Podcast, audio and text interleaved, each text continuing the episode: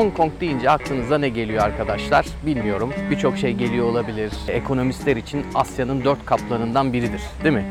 Böyle 50'lerin sonundan başlayarak 60'larda, 70'lerde ekonomik mucizelere imza atan işte Hong Kong, Güney Kore, Singapur, Tayvan. Bu dördü arasında da Hong Kong ilktir aslında. Bu mucizeyi ilk yaratan ekonomilerden biridir. O akla gelebilir. Onun dışında kent yaşamına dair böyle simgesel e, neler vardı? Mesela Din Din Çır dedikleri bu iki katlı nostaljik otobüsleri vardır Hong Kong'un. Hala da çok turistik bir şeydir. O akla gelebilir. Onun dışında dim sum dedikleri bu veya Çince'de zaocha dedikleri Hong Kong ve Guangdong bölgesine özgü diyelim yemek türü akla gelebilir. South China Morning Post gazetesi akla gelebilir ki Asya kıtasının medarı iftarı diyebilirim. Hatta bütün dünyanın yani dünya medyasının göz bebeği. Çok önemli bir gazete. Biz de e, her sabah kalkıp keyifle takip ediyorum. Ve benim için Hong Kong'a gitmenin keyifli yanlarından biri de bu gazeteyi South China Morning Post'u matbu olarak böyle elime alıp kahve eşliğinde onu okumak. Çünkü açıkçası e, Çin ana karasında e, biraz gazete okuma zevkinden mahrum kalmış durumdayım. Yani Türkiye'deki gibi eskiden öyle bir gazete bayine gidip işte Hürriyet, Sabah, Milliyet neyse Cumhuriyet gazeteleri alıp kahvaltıyı böyle uzatıp saatlerce gazete. Burada onu çok yapmıyorum çünkü açıkçası tek tip gazeteler çıkıyor. Yani işte bugün herhangi bir Remin Riba, Congo Riba bir gazeteyi alsanız diğerlerini okumanıza gerek yok. E, Onlar da zaten ben hani Çin medyasının içindeyim. E zaten işim gereği e, Xinhua'nın çıkardığı bütün haberleri görmüş oluyorum falan. Dolayısıyla ben Çin'de yani Pekin'de elime gazete alıp okumuyorum doğru düzgün. Gerek duymuyorum öyle bir şeye. Hong Kong'da bunun keyfini çıkarıyorum açıkçası. Sadece South China Morning Post değil. İşte yolda yürürken yerde adam veya bir büfede Financial Times satıyor mesela. İşte Washington Post satıyor. Yani bir gazete bayinde bile e, şehrin hususiyetini görebiliyorsunuz. Orada başka bir hava var. Mesela kitap almak için gidiyorum ben. Yani fırsat buldukça Hong Kong'a gitmeye çalışıyorum. Bunun e, benim için en keyifli sebeplerinden biri de kitap evlerini gezmek. Çin'in ana karasında bulamadığım özellikle güncel siyasi metinler, Güney Çin Denizi, kuşak ve yol girişimi filan bu gibi konularla ilgili metinleri Pekin'de, Şanghay'da bir kitapçıya girip bulmanız çok zor. Pekin bakış açısını yansıtan metinler hariç. Bu kitapları Hong Kong'da bulabiliyorum. Çok da pahalı tabii bu arada. Pahalı bir şehir. Dünyanın en pahalı şehirlerinden biri. Hong Kong Asya'da batıya gitmenin en kestirme yolu. Pekin'den 3,5 saatlik bir uçuş yapıyorsunuz güneye doğru ve havaalanına indiğinizde Hong Kong'da bir anda kendinizi batıda bir yerde buluyorsunuz. Ama nasıl bir batı? Yani Hong Kong'un batılılığı batıda karşılaşacağınız bir batılılık da değil. Tamamen kendine özgü. Yani hala bir yönüyle çok güçlü bir şekilde Asyalı ama batılı alışkanlıkları olan bir toplum. İşte ne bileyim mesela bir parkta elinde bir termosla yeşil çay içen bir amca fakat e, Financial Times okuyor filan. E, bu mesela bu bu görüntüyü ben gördüğümde Hong Kong'da gezerken dedim işte bu şey bir ülke iki sistem dedikleri şey e, Çinlerin Hong Kong'u yönetimini devralırken formüle ettikleri bu bir ülke iki sistem dedikleri şey bu aslında. Yeşil çay içerken Financial Times okumak. Şimdi niye Hong Kong diyorum efendim? Dünya medyasında e, en sıcak konulardan biri. Hong Kong'daki olaylar artarak da devam ediyor. Hatta 1 Temmuz itibariyle ki 1 Temmuz Hong Kong'un Çin'e dönüşünün 22. yıl dönümüydü. 1997'de devir teslim gerçekleşmişti. 1 Temmuz'da olaylar başka bir boyut da kazandı. Yani işin içine şiddet girdi açıkçası. O barışçı gösteriler bir anda tamamı demeyelim ama küçük bir grubun Hong Kong'da bu Lekko olarak bilinen e, meclis binasına girmeleri, orayı tahrip etmeleri e, sonucu işin içine şiddette karıştı. E tabi Pekin'i çok kızdıran görüntüler oluştu burada. Yani binaya verilen hasar, cam çerçeve indirilmesi tamam e, maddi olarak telafi edersiniz ama bir takım sembollere zarar verilmesi, orada Hong Kong amblemi spreyle siyaha boya, boyandı ve bardağı taşıran damla diyeyim Pekin adına sömürge, İngiliz sömürü yönetiminin bayrağının 22 yıl sonra tekrar Hong Kong meclis binasının içerisine asılması oldu. Bu gerçekten e, sadece devlet düzeyinde değil, hani bu görüntüler için devlet televizyonda izleyen sıradan halkı da e, son derece rahatsız eden bir e, şok etkisi yaratan bir görüntü. Tabi Hong Kong'da işte yaklaşık e, 2 milyona yakın göstericinin adları da gösterici oluyor tabi sokağa çıkınca ama bunlar Hong Kong sakinleri diyelim. Yani 2 milyon Hong Konglunun sokağa çıkması söz konusu. Yani bu pik noktasında 2 milyonu buluyor. Tabi her akşam 2 milyon kişi sokaklarda değil. Daha düşük yoğunluklu bir katılım oluyor. Son günlerde yaşanan olayları tabi Türk medyasında ben bakıyorum. Haberler çıkıyor işte Hong Kong'da protestolar. Hadi biraz daha bilgi veriyorlar. İade yasasıyla ilgili protestolar. İşte iade yasası nedir? Hong Kong'da suç işlemiş bir kimse Hong Kong yönetimi bunu Çin anakarasına yani Pekin yönetimine iade edecek. İşte göstericiler de diyor ki bu bizim yargı bağımsızlığımızı bozacak ve bu siyasi bir araç olarak da kullanılabilir. İşte buradaki bir takım muhaliflerin Çin'e iadesi ne yol açabilir falan filan. Ama aslında olayın arka planına dair çok bir şey bilmiyoruz. Ya ben bugün Türkiye'de e, çok e, Çin'i yakinen takip etmiyorsa insanların Hong Kong'un statüsüne dair de aslında çok net bir fikirleri olduğunu sanmıyorum. Hong Kong nerede? Çin'le nasıl bir ilişkisi var? Bağımsız bir yer mi? Bir ülke iki sistem ne demek? Bu konuda açıkçası Türk medyasındaki dış habercilik çok net fikirler vermiyor. Yani işin arka planını bize çok göstermiyor. Biz böyle hap gibi günlük gelişmeleri duyup geçiyoruz işte. 1 milyon kişi yürüdü ve Çin'i protesto ediyorlar. Niye? Biraz işin tarih kısmına bakmak lazım. Bu da çok karmaşık yani Hong Kong'un tarihi, İngiliz yönetimi, o Çin'e devredilmesi falan karmaşık ama çok hızlıca bir özet yapacak olursak hani filmin filmi böyle Afyon Savaşları'na kadar başa sarabiliriz. Afyon Savaşları'nda İngilizler diyorlar ki kardeşim sen benim serbest ticaret yapma hakkıma engel olursan e, ben bombalarım. Bugün de Çin diyor aynısını değil mi? Yani serbest ticarete engel olmayın. O zaman da İngilizler demiş. Biz ticaret yapacağız. Bizim ticaretimize engel olanı da vuracağız. Vuruyorlar da efendim. Çin kaybediyor savaşı. Ve daha sonra bir takım anlaşmalar imzalamak zorunda kalıyor. Çinlilerin eşitsiz anlaşmalar dedikleri. Burada 1842 tarihli Nanjing Anlaşması kritik bir anlaşma. Çinliler Hong Kong'u bırakmak zorunda kalıyorlar.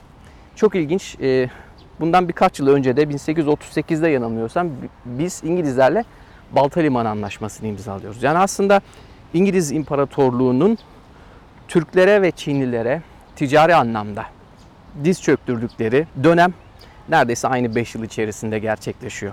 Tarihçiler baksınlar. Yani bu zaman paralelliği politik olarak nasıl okunabilir? E, iki imparatorluğun kaderi anlamında uzmanları incelesin. Ben bir gazeteci olarak sadece tarihlerin yakınlığını not ediyorum. Şimdi Hong Kong deyince aslında e, orası da karmaşık bir durum. Yani Hong Kong'un bir ada kısmı var.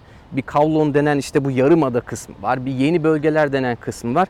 E, bunlarla ilgili farklı anlaşmalar var aslında. Yani Çin Hong Kong'u ebediyen bırakıyor İngilizlere ama sadece ada kısmı bırakılıyor. Daha sonra e, farklı anlaşmalar yapıyorlar. İşte bu Nanjing Anlaşması'ndan sonra bir Pekin Anlaşması var filan. Pekin mutabakatı var. O anlaşmalar neticesinde adada bir İngiliz yönetimi başlıyor. İngiliz kolonisine dönüşüyor Hong Kong. Dünyanın birçok yerinde örnekleri olduğu gibi. Bu süreç 1997'ye kadar geliyor. Tabii 1997 yılında e, Hong Kong'un Çin'e devir teslimi öyle çok pürüzsüz ve kolay olmuyor. Bunun için de 1980'lerin başında taraflar oturuyorlar İngiltere ve Çin. Bu süreci müzakere etmeye başlıyorlar. Ve dön o zaman Margaret Thatcher e, demirleydi. Kendisi İngiltere Başbakanı ve o kadar emin ki Hong Kong'un yönetimini Hong Kong'da İngiliz varlığını sürdürme konusunda çok emin ve Çinlilerin de bir şekilde geri adım atacağını düşünüyor. Fakat Margaret Thatcher hanımefendi demirleydi ise karşısında da çelik lakaplı bir lider buluyor. Deng Xiaoping Çin'de reformun babası yani modern Çin'in mimarı olarak ismi anılan bir lider sıfır taviz gösteriyor. Gerçekten çok uzun müzakereler var. Yani 1984 yılındaki benimle yaşıttır bu e, Çin-İngiltere ortak bildirisi. O bildiri açıklanana kadar sıfır taviz gösteriyor. Yani 1997 yılında biz Hong Kong'un egemenliğini devralacağız. Ve diyor ki Margaret Thatcher'a bu konuda egemenlik konusunda Çin'in manevra alanı yok. Ya bu zaten başlı başına tartışmaya kapalı. Biz 97'de bur- burayı alacağız. Şeyi konuşalım yani. İşin idari kısmını konuşalım. O geçiş nasıl olacak? 97'den sonra nasıl bir yasayla idare edilecek bu temel yasa dedikleri şey. Ve Margaret Thatcher dayanamıyor açıkçası. Hatta çok sembolik bir an vardır o görüşmeler sırasında Pekin'de Büyük Halk Sarayı'nda e, Margaret Thatcher'la Deng Xiaoping görüşürler. İki buçuk saatlik uzun bir görüşme yaparlar. Bu görüşmenin çıkışında e, hanımefendi Pekin'deki Büyük Halk Sarayı'nın merdivenlerinden inerken Orada sanki bir gazeteci soru soruyor ve dikkati dağılıyor. Ayağa kayıyor ve düşüyor. Yani tam böyle yüzüstü kapanacak neredeyse yanındakiler falan koluna giriyorlar. Yani ve bu görüntü Hong Kong medyasında çok işleniyor günlerce. Tabii çok sembolik bir şey. Aslında orada İngiliz siyasetinin Hong Kong konusundaki tökezlemesinin sembolüne geliyor. Hanımefendinin o e, düşüşü, fotoğraf belki eklerim birazdan kurguyu yaparken. Bu arada burası Pekin'in batısında bulunan Sculpting Park diyorlar. Dünyanın çeşitli ülkelerinden sanatçıların, işte heykeltıraşların falan burada eserleri var. Teker teker okudum daha önce bütün eserleri. Türkiye'den yok maalesef. Ne güzel.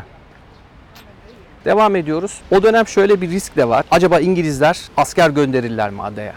Çünkü ya İngilizler bırakmak istemiyor. Bu çok açık. Ve Deng Xiaoping düşünüyor. Acaba İngilizler Hong Kong'u ellerinde tutmak için orduya başvururlar mı? Asker gönderirler mi?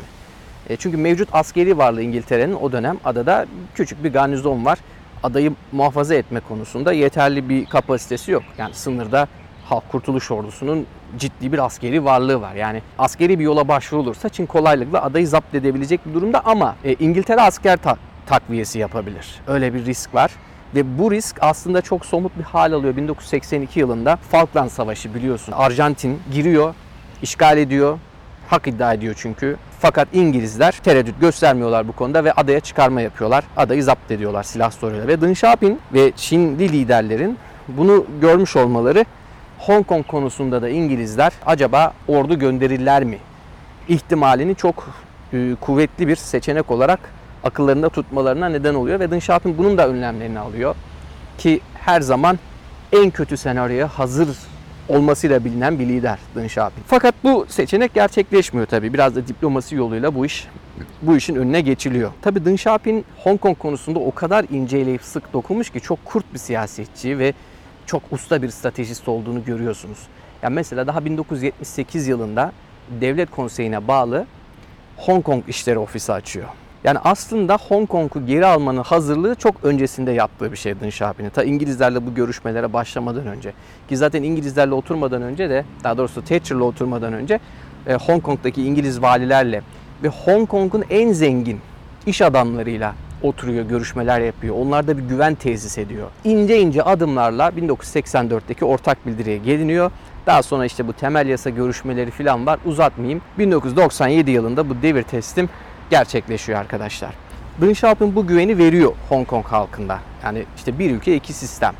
Ee, biz diyor genel savunma anlamında tek bir ülkenin parçası olacağız. Ama işte Hong Kong'daki e, oranın finansal statüsü devam edecek. Kendi kapitalist sistemini sürdürmeye devam edecek. Kendi para birimini kullanacak.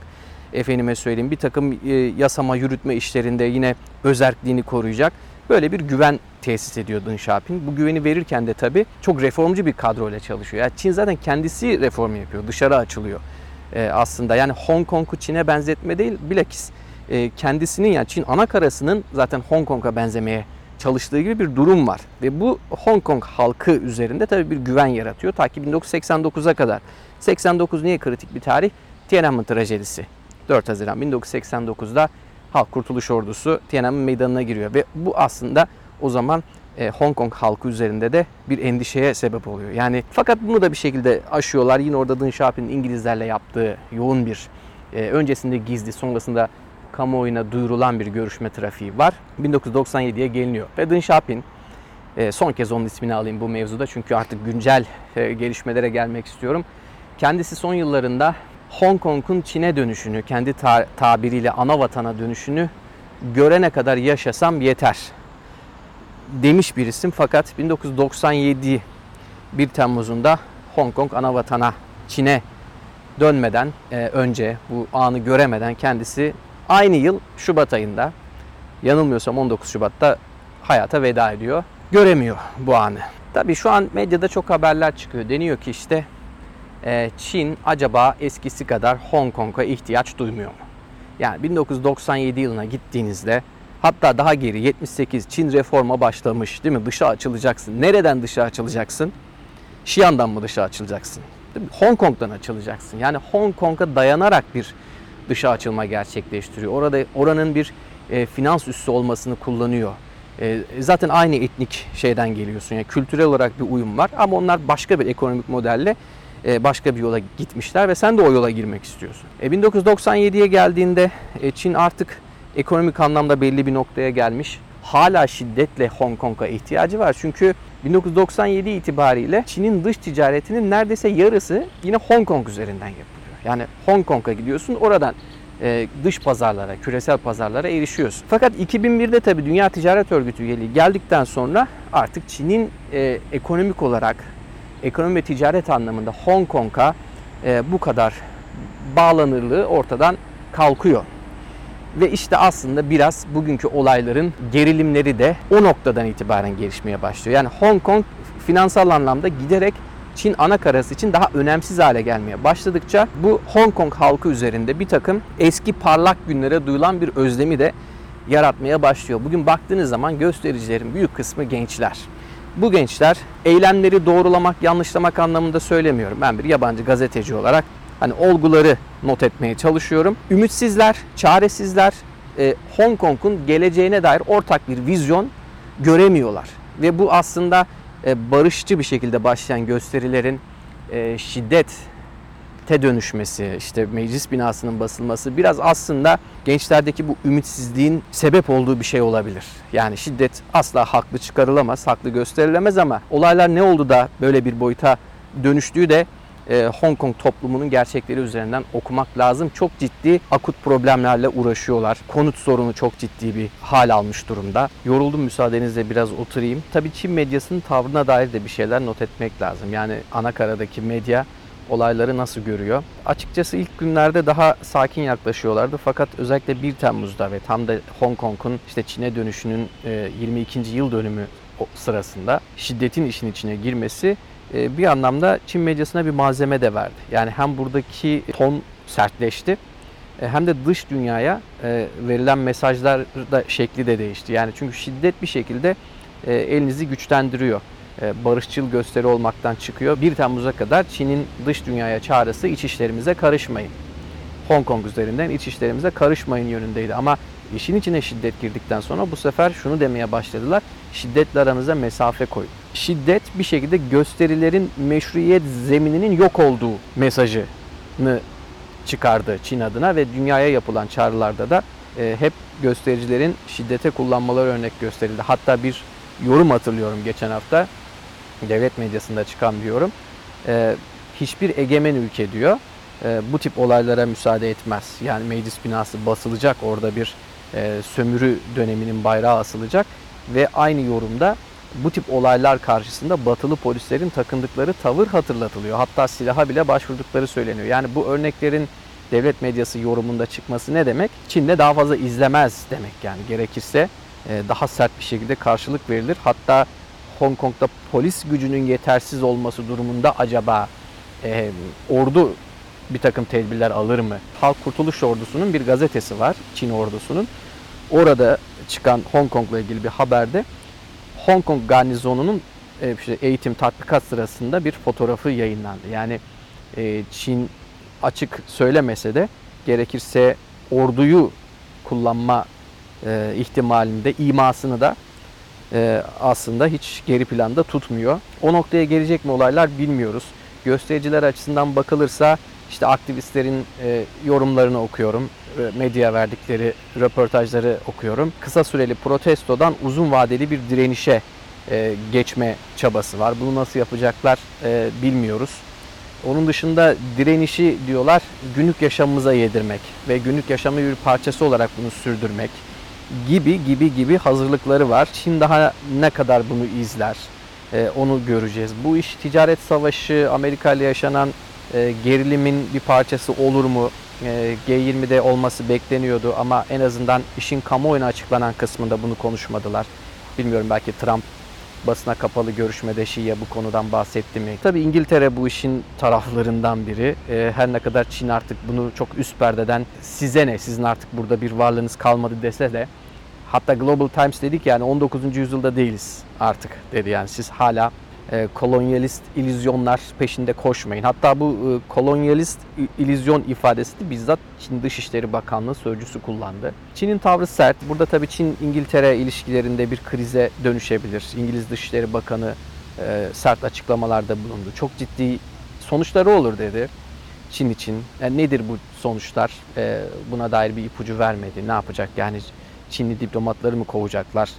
E, bilemiyoruz. İşte Çinli Büyükelçiyi dışişlerine çağırdılar. Ama Büyükelçi Londra'da basın toplantısı düzenlediği ve basın toplantısında aslında İngiliz Dışişleri Bakanı'nı çok ağır eleştirdiği için Dışişleri Bakanı'na çağırdı. O da enteresan bir şey. Yani e, bu çok nadir bir şeydir. Bir Çin, Çin'in bir büyükelçisi görev yaptığı ülkede basın toplantısı düzenleyecek ve o ülkenin e, Dışişleri Bakanı'na doğrudan cevap verecek filan. Hani bu gerçekten Çin'in e, diplomasi tarzında e, bunun örnekleri çok azdır ama bu oldu. Dolayısıyla bir Çin-İngiltere krizine gebe. E, üstelik İngiltere'de şimdi bir başbakanlık e, süreci de var. Jeremy Hunt da e, adaylardan biri tıpkı Boris Johnson'la birlikte. Boris Johnson da hakeza e, çok açık bir şekilde Hong Kong'daki göstericilere olan sempatisini ifade etmiş bir isim. Ama tabii İngiltere'nin e, siyasi ve ticari olarak Çin'e yani sonuçlarına katlanırsınız diyor ama ne yapacaklar, ne düşünüyor? Zaten Brexit karmaşası içerisinde e, Çinlilerde de biraz bu güven var. Yani siz bize bu tehditleri savunursanız asıl siz diyor sonuçlarına katlanırsınız. Böyle bir rahat var Çinlilerde. Tabii konunun bir başka boyutu da e, Hong Konglu ünlüler, sanatçılar bu işe nasıl bakıyorlar? Bununla ilgili de haberler çıkıyor. Bugün New York Times'ta öyle bir şey var. Hong Kong'daki sanatçılar nasıl bakıyorlar olaylara diye. Enteresan bir konu. Çünkü sanatçıların bu tip olaylardaki ifadeleri, tavırları önemlidir. Hem göstericilerin e, sokakta kendilerini yalnız hissetmemesi, e, hem gösterilerin bir takım uluslararası meşruiyet kazanması anlamında bazı sanatçılar e, topa girmemeyi tercih ediyorlar. Anlaşılabilir sebepleri var. Bazı sanatçılar direkt sahadalar, göstericilerin arasındalar. Gösterilere katılıyorlar, işte konuşmalar yapıyorlar, toplumu etkilemeye çalışıyorlar. Bazıları da tam tersi e, doğrudan Çin'e destek veriyorlar, Pekin'e destek veriyorlar. Tabii e, burada Hong Konglu birçok özellikle müzisyen e, ve sinemacı Çin ana karasıyla yaptıkları işleri de düşünüyorlar ki 2014 Şemsiye Hareketi sırasında o gösterilere katılanlar, sempati gösterenler, hatta Instagram'da bir like gönderenler çok ciddi Çin ana karasında iş kaybettiler. Buradaki işte konserlere çağrılmıyorlar, bir takım festivallerden, işte reklam işlerinden dışlanıyorlar. Yani çok ciddi yüz, birkaç yüz bin dolarlık kayıplar e, not ediliyor. İşte haberde detayları var New York Times haberinde. İşte birçok isim sayabilirim e, bu pop starlar falan ama tam tanımıyor Türkiye kamuoyu.